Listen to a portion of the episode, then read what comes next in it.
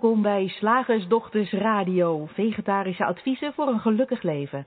Linda Spaanbroek en Angela Mastwijk geven je een kijkje achter de toonbank van de menselijke ervaring. Hoe werkt het daar nu echt? Wij maken gehakt van ingewikkelde concepten en fileren met liefde ook jouw leven. Dat alles onder het motto geluk. Mag het een onsje meer zijn? Goedenavond luisteraars, hier is Linda en goedenavond Angela aan de andere kant van de lijn. Hallo daar. Hi.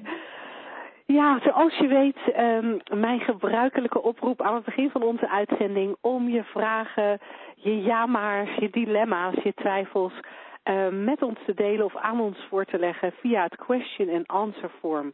Uh, ietsje lager op de pagina waar je op dit moment live naar ons luistert. En mocht jij een podcastluisteraar zijn die achteraf uh, de podcast hoort, voel je volledig vrij en zeer uitgenodigd om jouw vragen te sturen naar radio shiftacademy.nl. Nou, dat gezegd hebbende, uh, we hebben deze maand de, thema, uh, de themamaand gekozen opvoeden. Moeiteloos opvoeden, dachten wij. ja, heerlijk, heerlijk uh, onderwerp vind ik zelf. Heerlijk onderwerp. Uh, waar en jouw specialiteit. En mijn specialiteit. ja, grappig hè. Uh, ja. Het is zo lang geleden dat ik, uh, dat ik mij als orthopedagoog geprofileerd heb dat het bijna onwennig voelt. Dat het, dat het bijna net is alsof ik jok. maar ik heb er echt voor gestudeerd. um, ja, en, uh, en vanavond wilden we het heel graag met je hebben over als je je kind achter het behang wilt plakken. Want weet je, ieder, eh, iedere ouder vindt natuurlijk dat je van je kind hoort te houden. En toch kan het zo zijn dat je die van jou soms, of misschien wel heel vaak, met liefde achter het behang zou plakken. Om daar vooral lekker lang achter te blijven zitten, zodat jij rust hebt. Want hij is onhandelbaar, of zij is niet aanspreekbaar, of ze maken voortdurend ruzie. En uh, nou ja, ik denk dat wij dat als moeders ook wel herkennen, hè? die momenten.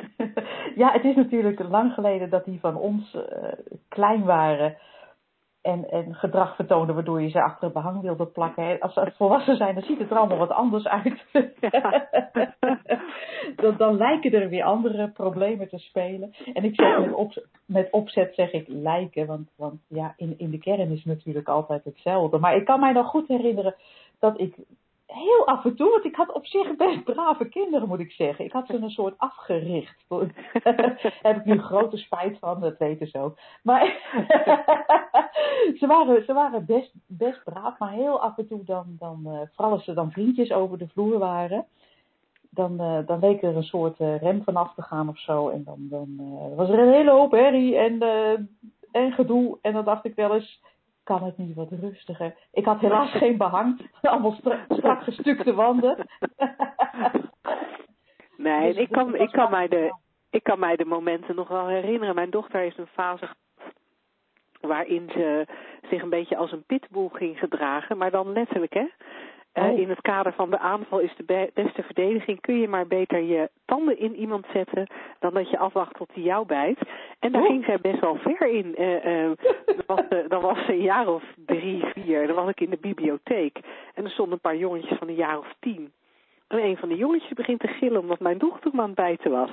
Dat was echt, dat was echt dat je denkt, oh, er gaat iets echt heel erg mis.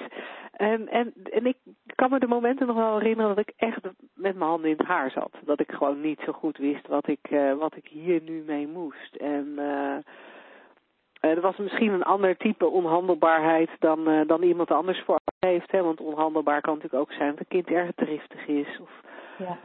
Um, ja, nou ja, niet naar je luistert. Dat wordt natuurlijk ook heel vaak als onhandelbaar gezien. Ja, ruimt zijn goed niet op. Luistert niet als ik zeg dat hij mee moet komen. Eet zijn bord niet leeg. Ja, al die dingen waarvan wij als, uh, als ouders hebben bedacht dat, uh, dat ze op deze manier moeten. En ik denk dat we daarmee gelijk op het spoor zitten waar wij het vanavond graag met je over zouden willen hebben om daar eens naar te kijken. Want als je kind onhandelbaar is, of als je kind gedrag vertoont wat je onprettig vindt, wat je anders zou willen, wat je.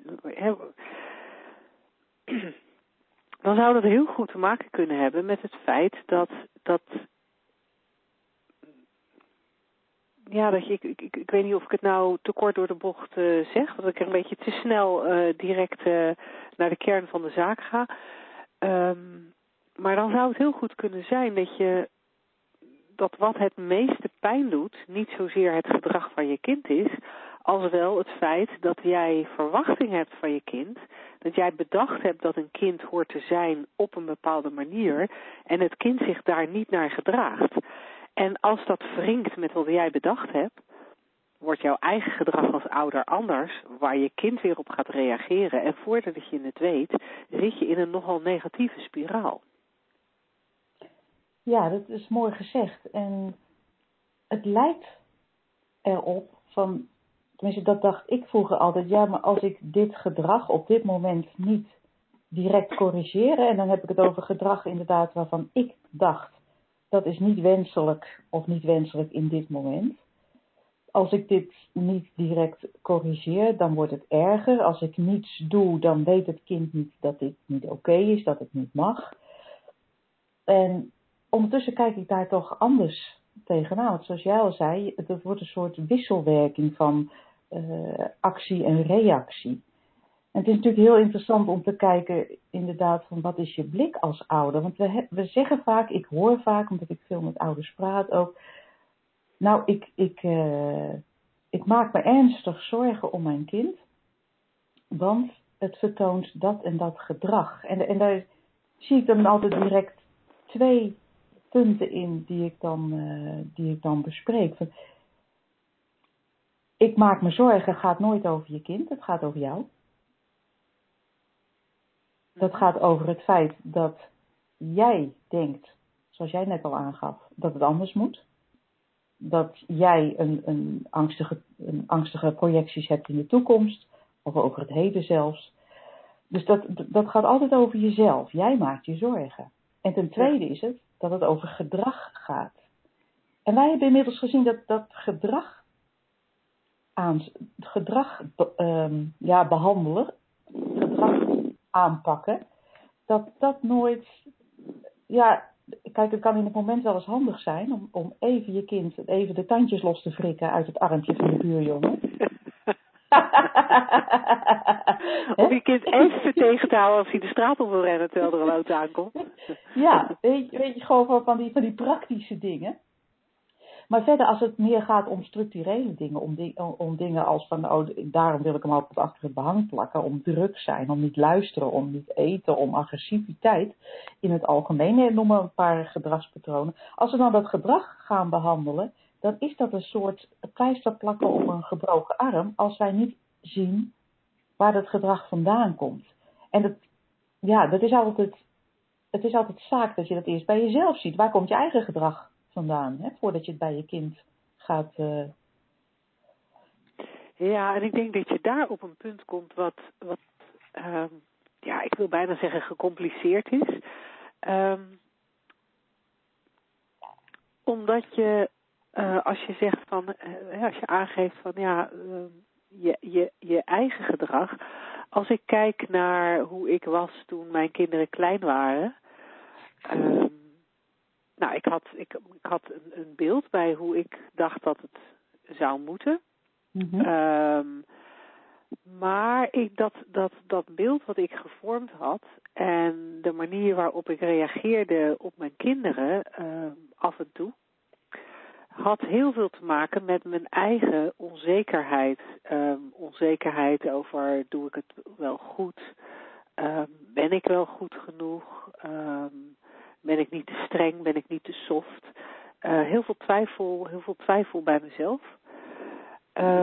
Dus daar, daar, daar zat eigenlijk een diepere laag onder, bij mij, die maakte dat ik ja, zekerheid zocht bij bepaalde van die standaard dingen. Weet je wel, zekerheid zoeken. Ik, wat voor mij een, een hele tijd een ding is geweest, is slapen.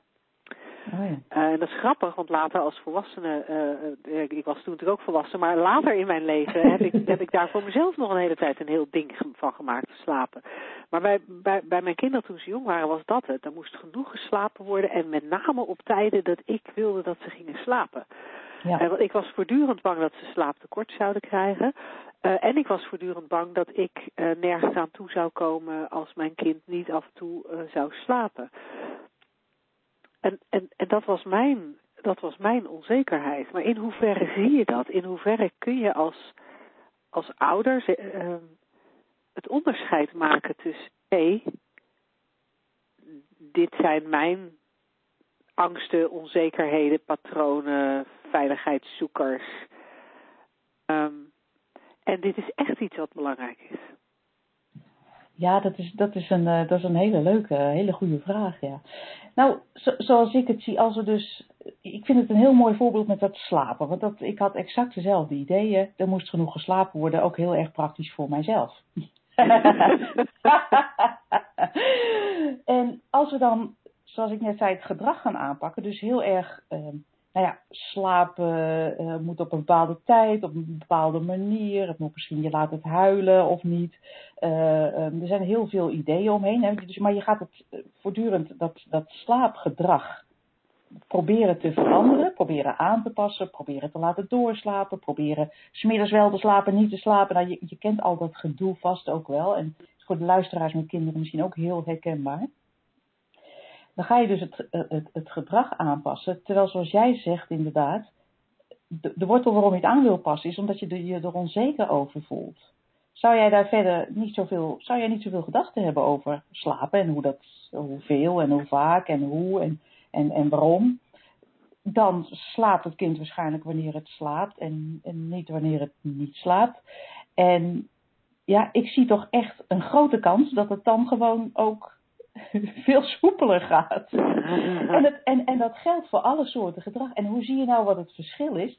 Nou, ik vind het altijd voor mezelf een hele mooie reminder als ik iets. Uh, uh, als ik denk dat iemands gedrag anders moet, en in, in dit geval van, van mijn kinderen dan. En ik, en, ik, en ik vind dat, want anders, dan, dan voel je er al een soort angst achter zitten. Hij moet genoeg slapen, want anders, ja. daar, daar zit al angst achter. In plaats van, nou ja, genoeg slapen is fijn en zo niet, nou ja. Wat is genoeg slapen?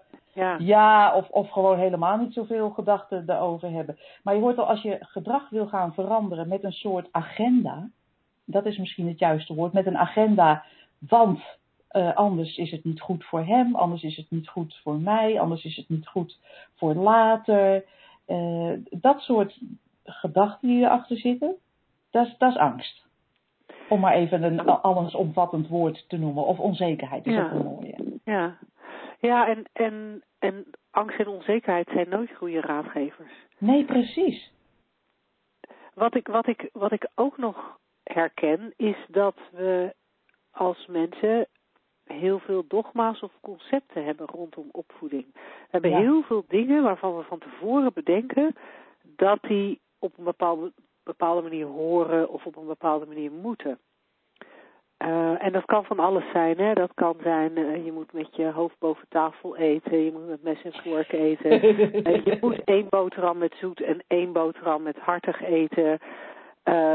Juist wel of juist niet appelmoes bij het eten, juist wel of juist niet veel tv kijken.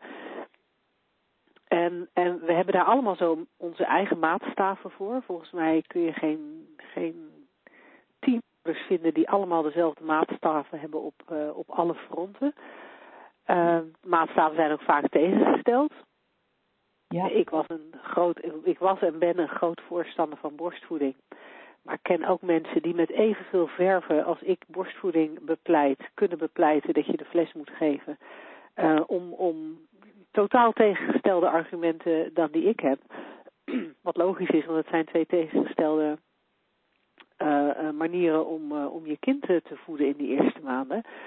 Um, en, en, en, en wij beiden zijn er even van overtuigd. Wij beiden geloven evenzeer in, uh, in, in, in dat concept of dat dogma um, over voeding in dit geval. Mm. En ik heb het idee dat als ik destijds, toen ze jong waren, want natuurlijk speelt het nu ook nog, hè, nu ze ouder zijn, maar het is allemaal, het is wat verder van je bed omdat ze, omdat ze volwassen zijn. maar zeker toen ze jong waren, als ik wat meer doorgehad zou hebben, dat ik allemaal concepten had over opvoeding, dogma's had over opvoeding. En, en, en dat die concepten niet per definitie waar waren. Niet eens voor mij, hè? want je kan natuurlijk denken, ja, maar uh, hè, zoals bij borstvoeding, daar kan ik heel lang over nadenken en heel veel discussies over hebben met mensen. En dan denk ik, ja, maar voor mij, voor mij wel. Dus dat is iets wat, wat van mij is. En dan kan het best een concept zijn, kan het best een dogma zijn, maar het is mijn dogma. Ik hou ervan.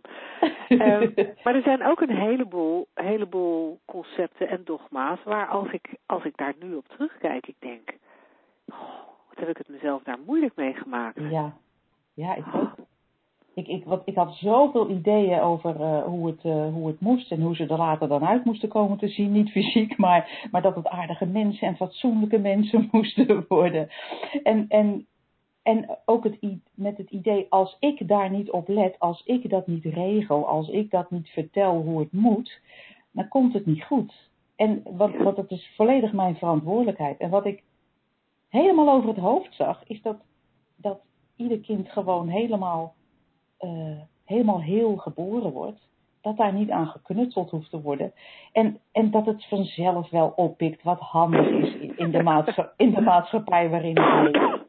En natuurlijk ja. vertel je, joh, even uitkijken bij het oversteken. En rood betekent stoppen. Het lijkt me gewoon heel, heel, heel praktisch. Maar al die, al die concepten die ik had van, van over normen en waarden en, en uh, uh, hoe beleefd ze moesten zijn en hoe ze zich moesten gedragen, dan denk ik, daarmee heb ik het mezelf zo moeilijk gemaakt. En alleen maar uit angst dat het niet goed met ze zou Ja. komen. En dat is eigenlijk hetzelfde als, als bij een, bij een tulpenbol gaan zitten en dan er voortdurend tegen schreeuwen. Je moet wel straks eh, die, dat blaadje. Nee, eerst dat, nee, eerst dat blaadje. En dan, en, en dan is het. Nee, die stampers moeten nog wat hoger. Weet je, alsof zo'n tulpenbol niet alles in zich heeft om gewoon een tulp te worden. Ja. Op zijn eigen tijd, op zijn eigen Ja. manier. En soms krijg je een klein tulpje en soms een grote tulp. En, en soms is hij rood en soms is hij geel. En soms eh, eh, eh, staat hij in de wind en legt hij voortijdig het loodje. En soms bloeit hij onverwacht eindeloos door. Je weet het Ja. niet. Maar het principe is, alles zit er al in wat het nodig heeft. En dat heb ik zo volledig over het hoofd gezien. En daarom vind ik het ook zo'n eh, zo'n fijn onderwerp om over te praten. Dat ik denk, oh, als ik er nu middenin zou zitten, en dat is natuurlijk met de wijsheid achteraf makkelijk gezegd. Maar wat zou ik het prettiger hebben als moeder? als ik dit een beetje door zou hebben dan. Ja. Ja, dat is fascinerend, hè? Hoe, hoe, eh, hoe moeilijk je het jezelf dan kan maken. En Ik vind die, die metafoor van die tulpenbol wel erg mooi hoor, dat alles erin zit, ook al zie je het nog niet. Eh, maar het komt er wel uit. En het grappige is, dat, en dat, kun je, dat kun je zien als je, als je kinderen ouder zijn. Hè? Want wij, nou ja, onze kinderen zijn volwassen, dus wij kunnen hè, nou ja, ze zijn nog niet af, want ze groeien natuurlijk nog steeds door. Maar je, zeg maar, onze taak zit er wel een beetje op, eh, maatschappelijk gezien. Daar is iedereen het eh, wel met ons eens. Ehm, en dan is het, is het grappig om te zien hoe, hoe ik ze bepaalde dingen niet heb geleerd die er uitgekomen zijn. Omdat, daar, moest ik aan denken toen jij dat maar net zei. Hè, van ja, je kan zo'n kind ook een beetje laten gaan en het komt wel goed. Ik heb mijn kinderen bijvoorbeeld nooit geleerd om u te zeggen. Maar ze Nee. doen het wel ja. op de gepaste manier. En, eh, en de een doet het vaker dan de ander, maar altijd op een gepaste, beleefde manier. Ik heb mijn kinderen nooit geleerd om eh, hun handen te wassen nadat ze naar de wc zijn geweest. Maar ze doen het wel. het is zo grappig. Ik snap, ik snap soms niet eens van wie ze het geleerd hebben. Dan denk ik van, ik heb daar nooit iets over gezegd. en, maar het is wel eh, dus dus er, er, er gebeurt inderdaad veel automatisch. Veel meer dan je verwacht. Ja, en het, is, en het is zo prettig als je weet als ouder dat, dat je eigenlijk alleen maar in volle verwondering en bewondering toe hoeft te kijken. En dat het zo prettig is voor een, een kind dat opgroeit om iemand in de nabijheid te hebben die, die er gewoon vertrouwen in heeft in het systeem, die eh, Ja. uit zichzelf uh, in, in balans is en, en niet direct in de stress schiet als er even iets niet gaat uh, zoals, het, uh, zoals het gepland was. Of als er even iets niet gedaan wordt wat gevraagd wordt. Of als er gedrag is wat, wat nou ja, even onmaatschappelijk is, om zo maar even te zeggen. Wat, wat heerlijk moet dat zijn voor, voor een kind om een, een, een, ja, ik zou bijna willen zeggen, een aanwezige ouder te hebben. Ja, ja. Die niet zo trots ja, op als ik deed. Ja. ik denk dat dat een heel mooi besluit is van dit uh, item.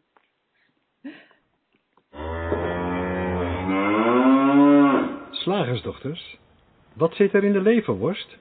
Oftewel, tijd voor wat wetenschap. Ja, in deze week kwam ik vandaag een... Ja, ik kwam een artikel tegen over een onderwerp wat we al eerder besproken hebben. Maar dit keer eigenlijk vanuit een andere invalshoek. Dus ik dacht, oh leuk om dit uh, op deze manier aan te vliegen. En dat gaat over het holografisch principe weer. Ja. Eerder had ik het daarover gehad, uh, dat was vrij abstract. Van, oh ja, het hele universum, alles wat wij, wat wij uh, zien, is, is een holografische projectie van ergens aan de rand van het universum. Nou, dat, dat is bijna niet voor te stellen. Maar ik kwam deze week een, een artikel tegen, of meerdere artikelen eigenlijk, over datzelfde principe, maar dan wat, uh, ik, ik vond het wat, wat uh, dichterbij uitgelegd. En het begon met een, een hele schijnbaar beroemde studie in de geschiedenis van de wetenschap. En, en die komt uit 1728, je nagaan. Wow. Ja, dat is wel even geleden. en dat was een filosofische, uh, filosofische transacties ging het, uh, ging, het, ging het om. In ieder geval, dat was geschreven door een Engelse chirurg. Die bestonden toen al in 1728, chirurgen. Dat, daar verbaasde ik me ten eerste al over. En dat was ook de arts van, van Newton, hè, ook al bekend in de, in de wetenschap natuurlijk, van de, van de zwaartekracht. Maar in ieder geval, die had in zijn praktijk een, een jongen die blind was. Blind geboren, nooit iets gezien. En toen hij 13 of 14 was, tussen die leeftijd, werd hij geopereerd door deze chirurg en die haalde de staar weg uit zijn ogen, want dat, dat was dus waardoor hij niets zag. En toen dat verdwenen was, kon de jongen dus weer zien. Alleen, hij had dus 13 en 14 jaar niets gezien. En wat er gebeurde was dat zijn hersenen konden geen, of ik moet zeggen, konden niet direct diepte zien. Dus alles waar hij naar keek, zag hij wel, maar alsof het tweedimensionaal op zijn ogen geplakt zag. Okay. Dus alle, alle, alle, alle ja, kleuren, voorwerpen waren voor hem tweedimensionaal. Dus eigenlijk alsof hij een papier voor zijn ogen had, zo zie ik het voor me, waarop hij ja, dingen waarnam. Maar hij durfde dus geen stappen te nemen, want hij kon geen diepte zien. Oh, jak. Ja, dat is, dat is heel apart. Nou, dat, dat herstelde zich vanzelf. Na, na een paar maanden, twee maanden staat hij, durfde hij toch uh, de bank af. En, en konden zijn hersenen dus, dus die diepte uh, gaan ervaren, projecteren zou ik het bijna willen zeggen. En uh, dat, dat zette deze chirurg aan het denken. En we zijn nu natuurlijk een paar eeuwen verder. En, en ik las een, een verslag van Donald Hofman, een, cognitief wetenschapper, die hierop voortborduurde. Mm -hmm. En hij zei dus, het, ja, het, het oog is, zoals uit deze zaak blijkt, geen, uh, geen camera, maar, maar het oog reconstrueert in, in samenwerking met de hersenen de realiteit. Dus niet construeert, hij zegt hij reconstrueert het.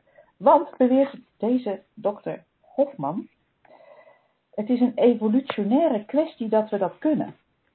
Het is gewoon handig dat wij de illusie wekken dat alles driedimensionaal is.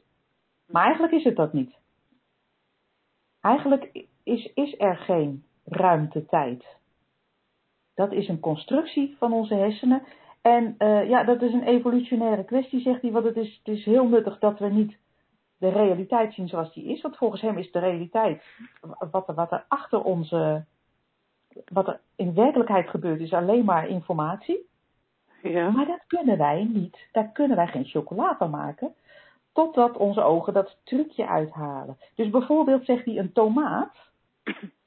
Stel dat onze ogen dat, en hersenen dat trucje niet uithaalden van de creatie van ruimte-tijd. Mhm. Zouden we de tomaat niet als tomaat herkennen? En zouden we hem niet kunnen vinden om op te eten?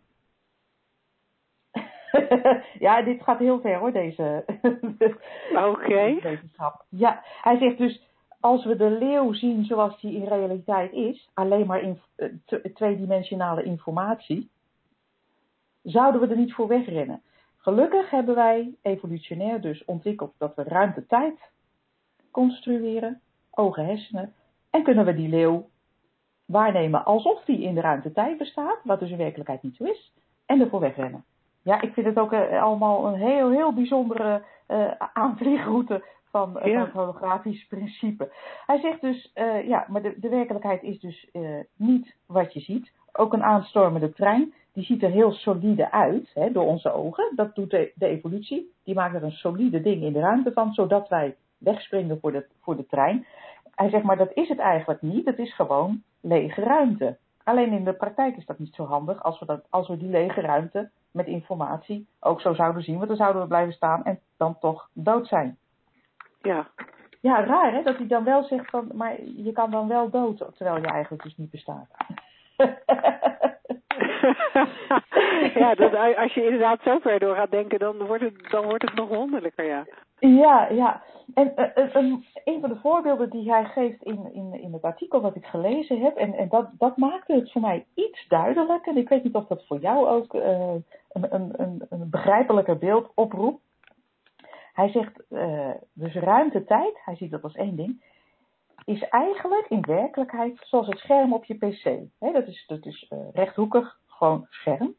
En de fysieke objecten die wij in ruimte-tijd zijn, zien, een bed, een stoel, een, Ja. een, een aanstormende trein, dat zijn eigenlijk icoontjes op jouw ehm, bureaublad. Mhm. En onze ogen maken er, dat is dus volledig verzonnen, een, een reconstructie van, van wat er is, maken er, door erop te klikken zeg maar, hè? Dat, is het, dat is het systeem, Ja. maken er een driedimensionaal iets van, zodat het voor ons tot leven komt in de ruimte-tijd en wij dus een adequate respons kunnen hebben. Dus weg kunnen lopen voor de trein of die tomaat pakken en, en opeten. Maar in werkelijkheid is het dus gewoon tweedimensionale informatie, zoals icoontjes op jouw scherm. Nou, ik vind het bijna niet voor te stellen. Maar hij zegt ja, het is ehm, een, een, een, een, het paradigma moet echt veranderen van eh, wat wij denken dat de realiteit is. Zoals wij ook ooit dachten dat de aarde plat was omdat het er nou eenmaal zo uitziet, bleek niet waar te zijn. Mhm. En we dachten vervolgens dat de aarde het middelpunt van het universum was, omdat dat er zo uitziet. Dat bleek niet zo te zijn. Hij zegt maar, het- geldt voor alle, al onze waarnemingen die wij, ja, wij, wij, het ziet eruit alsof het multidimensionaal is. Maar dat is het niet. Alleen, eh, eh, we denken het, maar het is nu dus tijd om, om dat paradigma om te gooien en eh, in ieder geval te begrijpen wat het, eh, hoe- wat het in werkelijkheid is. Zoals we nog steeds de zon zien opkomen en ondergaan, dat is in werkelijkheid natuurlijk niet zo, want we weten de aarde draait. Hè. Die zon Ja. doet niks. Ja. Hij zegt, ook al ziet het, er, blijft het er voor ons uitzien alsof wij in een driedimensionale wereld leven met aanstormende treinen en rode tomaten. Het is wel handig om te begrijpen dat het niet de werkelijkheid is. En, en zelf is dokter Hofman er ook nog niet zo uit wat eh, die werkelijkheid, wat dat nou precies inhoudt, dat het maar tweedimensionaal Hij zegt misschien is het een enorme machine wat dat is, of misschien is het een netwerk wat bewust, eh, eh, een netwerk van eh, interactief bewustzijn, wat de werkelijkheid is. Hij is het aan het onderzoeken. Hij is er nieuwsgierig naar, maar hij weet het nog niet. Hij zegt wel, het is belangrijk dat we loslaten van wat, wat we met z'n allen intuïtief veronderstellen, maar wat dus niet zo is. Hij zegt, en als we dat, als we dat kunnen, hè, ook, al, ook al lijkt het nog zo echt, dan zullen Ja. er zich nieuwe, nieuwe wegen openen om, eh, om, om, om op anders, andere manieren te, te denken over het grootste mysterie van het leven. Waarvan hij dus zelf ook nog niet weet wat het is, maar wat hij wel vermoedt dat het iets, iets fascinerends is. En dat vond ik ook leuk om even te vermelden in het kader van jouw lievelingswoord fascinerend. Ja.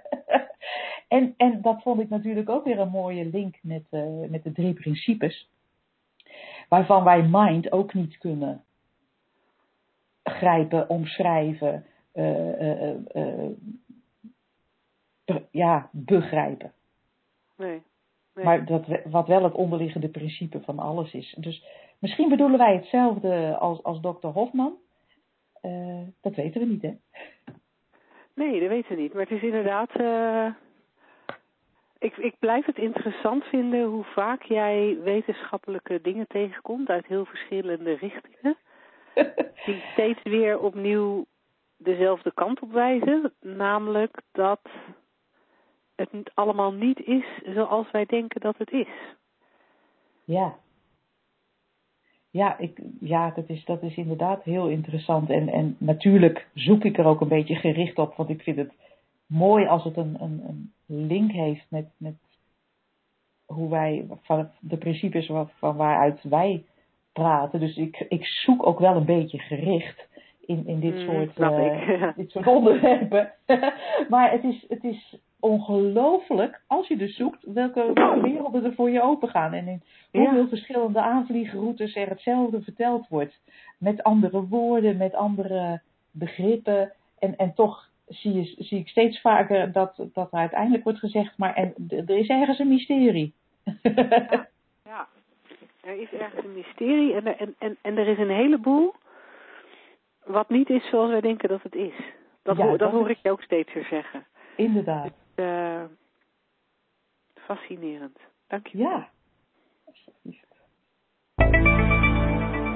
Zeg, slagersdochters, hoe bak ik die vegaburger? Over naar de luisteraarsvraag.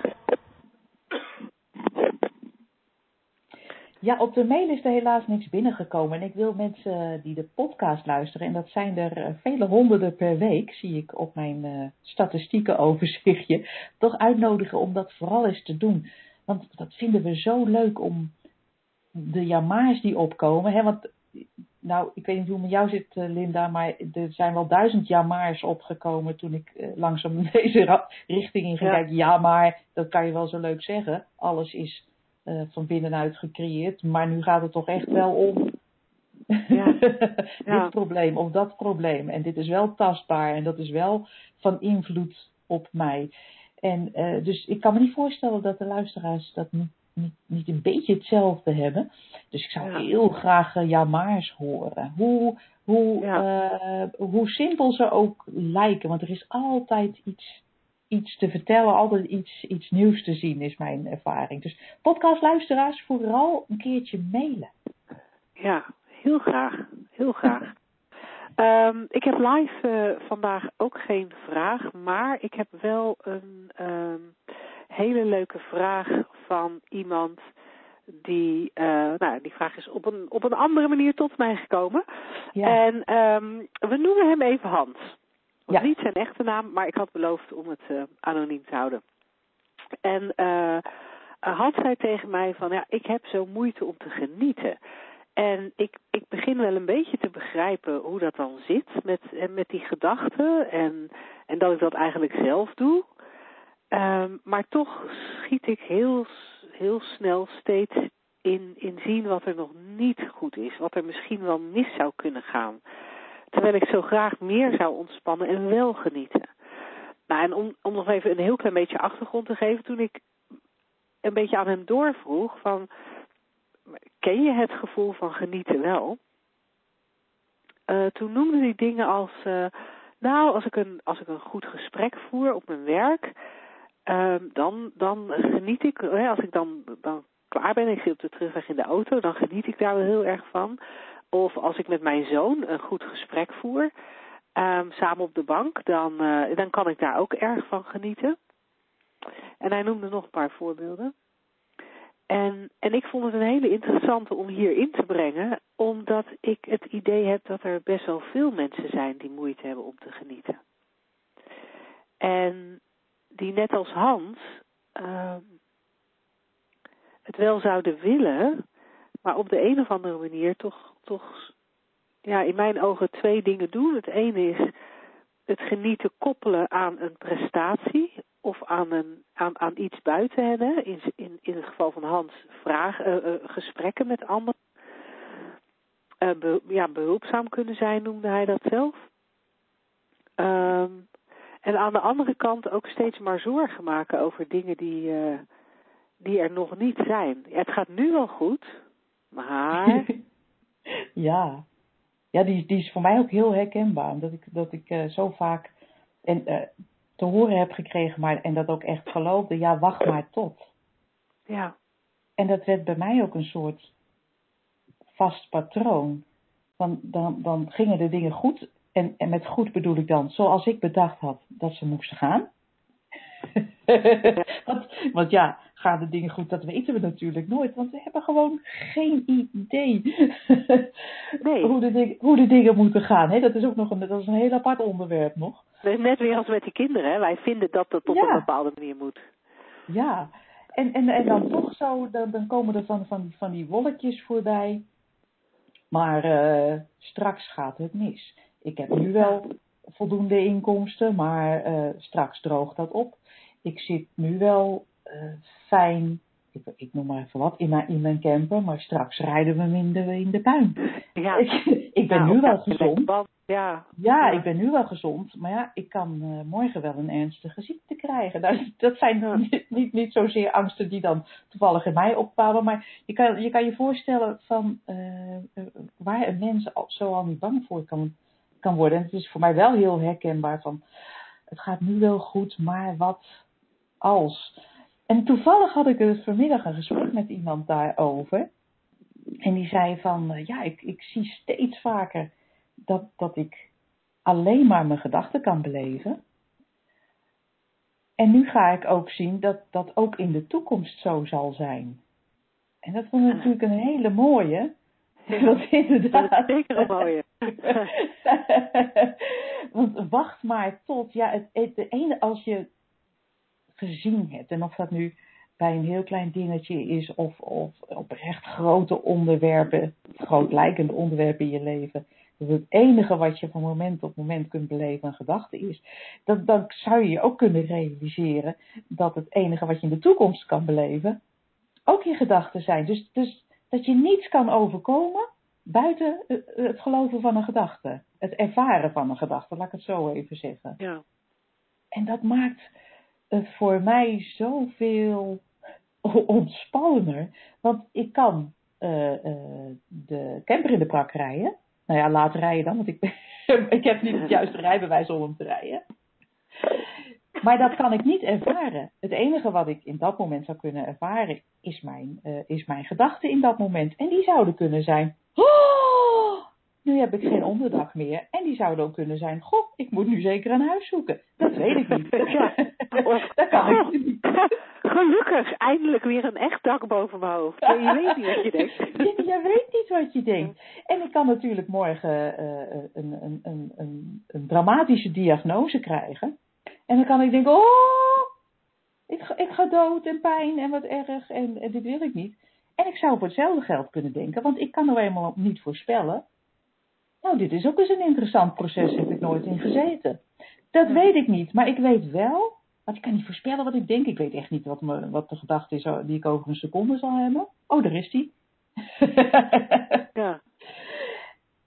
ik weet wel dat ik alleen maar dat kan ervaren. En dat maakt het natuurlijk zoveel ontspannender.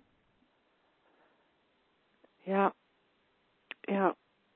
Ja, en wat ik daarbij ook nog herken, is dat als je het hebt over genieten, Oh ja, dat was het. dat dat heel erg. eh, genieten zit eigenlijk altijd heel erg in het moment. Het, in mijn ogen zit het echte genieten heel erg in het moment. En je kan je wel op iets verheugen. Je kan met plezier terugkijken op iets. Ehm, maar het, het, het, het echte zomaar ergens je gelukkig bij voelen, dat doe je echt heel erg nu. En, en, en nou, nou, nou weet ik dat wij in deze radioshow geen uh, voorschriften geven. We geven geen recepten, we geven geen stappenplannen. En toch, toch ben ik wel nieuwsgierig naar hoe je, als je dat niet zo goed kan, hè, zoals Hans nu blijkbaar, omdat hij dan toch steeds schiet naar, nou ja, naar die toekomst. Hoe je dan toch een beetje meer kan leren om, ja, om niet te doen, om dat na te laten, uh, dat, dat naar de toekomst schieten, meer in het nu te zijn. En uh, ja, terwijl ik, terwijl ik het formuleer, formuleer, denk ik van ja, we weten het antwoord. Het enige waardoor je het verandert is inzicht. En welk inzicht iemand daarvoor nodig heeft, dat zal voor iedereen anders zijn. Uh, voor Hans zal dat een ander inzicht zijn dan het voor mij was. Ik weet dat het bij mij een serie van inzichten is geweest. En ik kan je ze niet eens beschrijven. Ik kan niet eens zeggen, oh het waren deze vijf inzichten waardoor ik in het nu ging leven. Uh, maar ik, ik, ik, ik had zo steeds een kleine shift. Ja. Dat is ook de reden waarom wij ons bedrijf Shift Academy hebben genoemd. We, steeds, we, we, hebben allebei gemerkt, wie maakt steeds, steeds een shift. De ene keer een groot shift, de andere keer een kleine shift. En, en al die shifts bij elkaar zorgden ervoor dat ik op een dag constateerde... Oh, maar dit is wat ze bedoelen met in het nu zijn. En dat kon ik eigenlijk niet, ik kon het niet eens snappen voordat ik het ervaren had. Als Ja. dat een vorm van sense makes. ja, nee, zeker. En het is gewoon heel interessant te zien wat het, wat het mechanisme is en wat we vaak aangeleerd hebben, omdat we nu helemaal niet weten wat, hoe het mechanisme werkt. Als je niet weet dat je alleen maar je gedachten kan voelen in een moment en dat je daarmee je realiteit creëert, en dan, dan, dan, dan lijkt het een soort alsof je het niet anders kan dan eh, in het moment denken, oh, eh, nou, ehm, wat, wat, ja, dit, wat ontbreekt er nog? ja. dat Ja. is vaak, dat Ja. is vaak wat, wat ons aangeleerd is. En dat is natuurlijk ook wat je, wat je constant aangereikt krijgt, omdat nu eenmaal nog niet zo bekend is wat wij vertellen. Eh, je krijgt aangereikt dat er iets te bereiken valt waardoor je je goed voelt. Oh, het is, thank God it's Friday, dan kunnen we ons weer goed voelen. ja, over twee weken weer vakantie. Oh, dan kunnen we ons goed voelen. Ik ben ziek geweest, maar nu ben ik beter. Dus nu kun ik, kan ik me weer goed voelen. Of ik zal blij zijn als mijn kind zijn diploma heeft, want dan kan ik me weer goed voelen. Eh, We zijn een soort, soort de andere kant op getraind. Daarom vinden wij, tenminste, ik, ik ga er gewoon vanuit dat jij het ook vindt. Daarom vinden wij het zo fijn om te laten zien dat het andersom werkt. Want dat is zoveel fijner en dat levert zoveel meer eh, momenten op. Dat je het wel ziet hoe het werkt. En dat Ja. je eigenlijk vanzelf geniet. Want als dit, dit het is, dit, nu. En, en al die gedachten in je hoofd van verzet een soort jou loslaten. Hè, of van, van verlangen naar iets wat er niet is. Of ontevredenheid van wat er nog niet is. Of, eh, nou ja, noem al die leuke, gezellige gedachten, wolken maar op die er zo al voorbij drijven. Als die jou, ja, als je, als je daar een beetje doorheen kan kijken, en dat gebeurt vanzelf, daar is inderdaad geen recept voor. Behalve het feit dat je, dat je deze kant op gaat kijken en gaat begrijpen hoe het zit en inzicht krijgt en shifts doormaakt. Ja, dat, dat maakt eh, eh, genieten eigenlijk je standaard instelling, lijkt het Ja. wel. Ja, ja. Ja, en dat is gewoon heel, dat is heel cool om te ervaren. En, maar het is ook heel cool om te zien hoe dat bij, eh, ja, bij andere mensen ontstaat. ja, Ehm, ja, en het doet me er ook aan denken dat dat natuurlijk ook bij opvoeden eh, ook zo meespeelt. Want dan gaat, eh, eh, sluit die, die, die vraag van Hans er eigenlijk erg op aan. Want als je, als je moeite hebt met de opvoeding van je kind, heeft dat ook vaak te maken met, met eenzelfde soort patroon.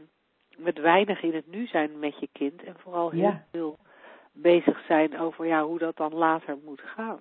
ja. Of wat het nog niet kan, of wat het nog Ja. niet doet, of wat het Ja. verkeerd doet. En, Ja. en eh, nou ja, noem al die eh, dingen maar op. Het heeft inderdaad eh, helemaal hetzelfde te maken. En als je daarmee te maken en als je deze kant op kijkt en, en, en wat daarin ontspant, want dat is, dat is eigenlijk een logisch gevolg, dat je erin ontspant en meer vertrouwen hebt, dan wordt het ook meer genieten van je kind. Ja, ja. Gewoon zoals het nu Ja. is. Precies, ja. En voor iedereen die, die, die, dat, die dat heel aantrekkelijk vindt, ehm, die, die zou ik heel graag willen verwijzen naar eh, onze website, waar wij, eh eh, shiftacademy.nl, waar wij onder het kopje masterclass eh, eind deze maand een masterclass geven over moeiteloos opvoeden, waar, waar dit natuurlijk thema's zijn die, eh, die in terugkomen. Oh ja, daar heb ik zo'n zin in. Ik vind dat zo'n leuk onderwerp. Ja, ik ook. en we hadden het afgelopen vrijdag al zo leuk met concentratie en focus. En dat opvoeden, dat moeiteloos opvoeden, wordt nog leuker.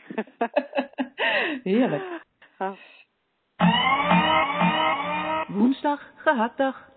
Zeg slagersdochters, welk concept gaat er vandaag door de molen? Nou, Angela, je Ja. moet er sterk voor in je schoenen staan om dat aan te kunnen. Je moet er sterk ja. voor in je schoenen staan om dat leven aan te kunnen waarbij je Oh. in een camper rondzwerft. Oeh, nou, Zonder huis. al die, al die onzekerheid.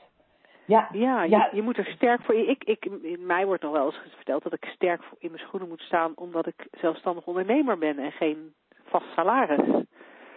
oh ja, ja. In de tijd dat mijn, eh, dat mijn eh, zoon eh, niet at en anorexia werd geconstateerd, zei men, nou, jij moet wel heel sterk in je schoenen staan, wil je hier niet aan onderdoor gaan. Nou, en zo kunnen we natuurlijk eindeloos voorbeeld noemen van, Ja. voorbeelden noemen van, van situaties waarin dit gezegd kan worden. En ik zie eigenlijk twee manieren om hem aan te vliegen, maar misschien wil jij de aftrap doen of zal ik gewoon maar losbranden? Wat Nee, barst maar los. Barst maar los. ja, dus eh, twee aspecten eigenlijk. Sterk in je schoenen staan en dit aankunnen. Twee aspecten. Sterk in je schoenen staan, dan, dan gaan we er soort van uit van nou, dat is een, een bepaalde eigenschap. Het is misschien iets wat je kunt leren hè, door, eh, door, door, door heel veel eh, misère mee te maken en, en er weer uit te komen. Dat je dan een soort eindelijk denkt van nou, daar ben ik uitgekomen, dus dit zal me dan ook wel lukken. dat je er een soort sterk in je schoenen staat. Of dat dat een eigenschap is die je misschien eh, genetisch hebt meegekregen. Mijn vader was een sterke man, mijn moeder was een sterke man. Dus ik sta ook sterk in mijn schoenen. Eh, of, of met je opvoeding, weet ik veel. Ehm, alsof het iets is wat, wat, je, eh, wat je ook niet zou kunnen hebben. En mazzel hebt als je het wel hebt. En wij zijn dat een beetje anders gaan zien. Vanwege het feit dat ieder mens in de kern altijd helemaal oké is. Daar hebben we het al vaker over gehad, geloof ik, hè? Ja, dat noemen wij wel eens. De diamant- bij de slagersdochters. Ja. Ja, die diamant die in je zit, die, die eh, ehm, nou ja, en, het woord diamant zegt het natuurlijk al, die is ijzersterk. Die heeft heel veel eh, facetten en is, is, is prachtig en schitterend. En dat is wie we, wie we in wezen zijn als mens, voordat we gaan bedenken, oh, eh, maar ik ben Angela en ik sta niet zo sterk in mijn schoenen, want... En al die andere gezellige gedachten die wij eh, zo al oproepen. Dus sterk in je schoenen staan is wat, wat, wat mij betreft eigenlijk ehm, een kwaliteit die ieder mens heeft vanwege het feit dat je mens bent. En, zo, zo, en dat dat jouw, eh, jouw kern is. Dat is een van, de, een van de drie principes eigenlijk. Je hebt de oneindige intelligentie van alles in je. Dus hoezo kreukbaar, zwak, beschadigd, kwetsbaar. Ja. En het tweede aspect is, wat ik, wat ik zag is, je moet sterk in je schoenen staan om dit aan te kunnen. En dan gaan we ervan uit dat dit, wat het ook is, hè, het is dan natuurlijk een probleem, want anders hoef je niet sterk in je schoenen te staan. Niemand zegt je moet wel sterk in je schoenen staan om al dit geluk aan te kunnen. Terwijl ik soms wel eens denk Ja. dat heel veel mensen dat heel erg moeilijk vinden om echt gelukkig te zijn. Ja, ja, dat is weer een ander concept van de wilde kunnen dragen. Maar in ieder geval, dat dit, hè, dit aankunnen, dat, dat impliceert dat dit het probleem iets vast is. Iets is wat je op tafel kan leggen, iets is eh, wat, wat vaste eh, vormen heeft. Terwijl, ja, een, een probleem, hè, het dit, in de uitdrukking, je moet in sterk je schoenen staan om dit aan te kunnen, eh, uitsluitend bestaat uit dezelfde materie als waar alles uit bestaat, namelijk gedachten. Want waar is het probleem daarbuiten? Ja. Ja, dus dat was mijn andere aanvliegroute. Zag jij Ja. nog iets daarin? Nou, mooi. Ja, nee, mooi wat je zegt. En, en eigenlijk de enige, de enige aanvulling ehm, die in mij opkwam, maar ik, zoals je merkt, begint mijn verkoudheid, is, eh, naarmate deze uitzending vordert, meer op te spelen. Dus Ja. praten wordt wat lastiger voor me. Eh, maar ik, ik, ik zat ook een beetje even over dat, dat sterk in je schoenen staan eh, te mijmeren. Want ik vraag me af of dat nou echt sterk in je schoenen staan is, of dat dat juist heel erg makkelijk uit je schoenen stappen is. Als Oh ja. iemand weinig last heeft, nou niet weinig last, maar als iemand onverwachte situaties goed aan kan en situaties aan kan waar andere mensen zenuwachtig van worden of, of die, die, ze echt eh, heel erg graag willen vermijden, dan vermoed ik dat juist de mensen waarvan wij zeggen jij staat sterk in je schoenen, wat, wat impliceert alsof je vast staat, hè? En, Ja. en, en de wind om je oren vliegt, maar jij blijft staan. Eh, terwijl ik vermoed dat, dat het juist anders is, dat de mensen die, die, kunnen, die, die om kunnen gaan met moeilijke situaties, of welk, hè, wat dat dan ook is, dat die juist in staat zijn mee te bewegen, dat die flexibel zijn. Ja, ja. Dat ze zich mee kunnen laten voeren met de flow. ja, dat is ook een hele mooie. Dank je. en, en dus, dus, ik, dus ik vermoed dat als je dingen aan wil kunnen, als we, daar, hè, als we dat concept dan even eh, en, eh, aan, aannemen voor waar, waar- waarvan jij net ook al hebt aangetoond dat het niet is, maar goed, ehm, dan, dan ehm, dat dat wat mensen zijn die met de flow meebewegen en die niet een vaststaand idee hebben over dit moet het zijn. Hè, want want maar als je, dat, als je het, het voorbeeld neemt van, van jou met, eh, met jouw leven in de camper en eh, geen, geen vaste woonplaats en jij noemde daar geloof ik onzeker. Noemde je daar onzekerheid bij? Dat mensen dat Ja, ja, ja. Ja. Ehm, ja, dat is, alleen maar, dat is alleen maar zo als je een heel vast omlijnd idee hebt over wat veiligheid is en waar veiligheid uit bestaat. En je, je, kunt me nu niet zien, maar ik zit nu met mijn handen zo'n beweging te maken alsof ik een klomp klei aan het, aan het, aan het kleien ben. Want weet je dat het echt een vaste substantie is, dat veiligheid een vaste substantie is, dat die zit in, nou ja, in, in, in, in een huis met een hypotheek en een achtertuin. Terwijl we natuurlijk allemaal weten dat dat huis kan instorten, de, de, de, de, de hypotheek misschien niet meer betaald kan worden, eh, er buren naast je komen wonen die waanzinnige herrie maken, waardoor allemaal dingen waardoor wat veilig lijkt, dat huis, helemaal niet veilig meer is. En, en dan denk ik dat je, ja, dat, dat als je daar te veel aan vasthoudt, en daarvan ook weer niet doorhebt dat het een uh, zelfbedacht concept is, ja, dan gaat het, uh, dan gaat het wringen. En dan gaat het lijken alsof je het niet aan kan. Uh, terwijl in jouw geval, jij weet tot in het diepst van je ziel dat, dat jouw veiligheid onafhankelijk is van, van wat dan ook buiten jou en volledig in jou zit. En dan maakt het niet meer uit welk dak je boven je hoofd hebt. Of dat een camperdak is of een tijdelijk dak. Of, of je eigen zelfbetaalde of zelf gehypothekeerde huis is. of een kartonnen doos. of een kartonnen doos, ja. ja ik maar dan hoop ik wel voor je dat die waterdicht is. Zakje eroverheen, niks aan de hand. ja, ik vind het een heel mooi beeld wat je schetst. Een heel mooi inzicht van dat, dat het eigenlijk niet sterk in je schoenen staan is. Maar dat je er gewoon, dat het makkelijk uit je schoenen stappen inhoudt. Ja, ja prachtig. Ja. Nou, ik, ik, wat mij betreft hebben we me echt wel, uh, wel, wel vermalen op deze we hebben manier. vermalen. echt gehakt van gemaakt. En, en gezien jouw verkoudheid zou ik zeggen, we draaien er een eind aan. En we hebben dit, deze week gewoon 55 minuten radioshow. Omdat wij nou eenmaal gewoon makkelijk uit onze schoenen stappen. en afwijken van het vaste patroon. Nou, helemaal ja. goed. Dankjewel weer voor dit fijne gesprek. Jij ook. Uh, luisteraars, dankjewel voor het luisteren. Nogmaals, denk aan Angela's oproep. eh, ook als podcastluisteraar krijgen wij heel erg graag jouw ja-maars of jouw die slagersdochters. Dat kan toch niet? die, die vinden we ook leuk. Uh, dus stuur ze naar radio.shiftacademy.nl en dan horen, uh, spreken we je heel graag volgende week. Tot dan. Tot dan. The moderator has left the conference.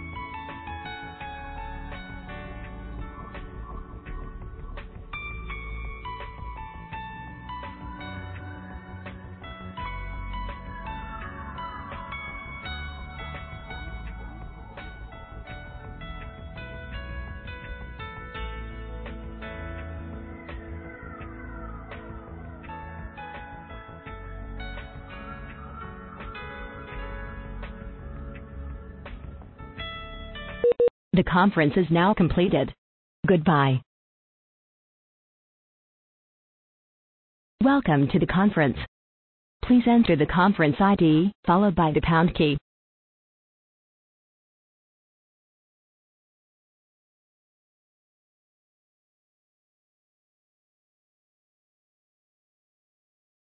Thank you. Guest ID accepted.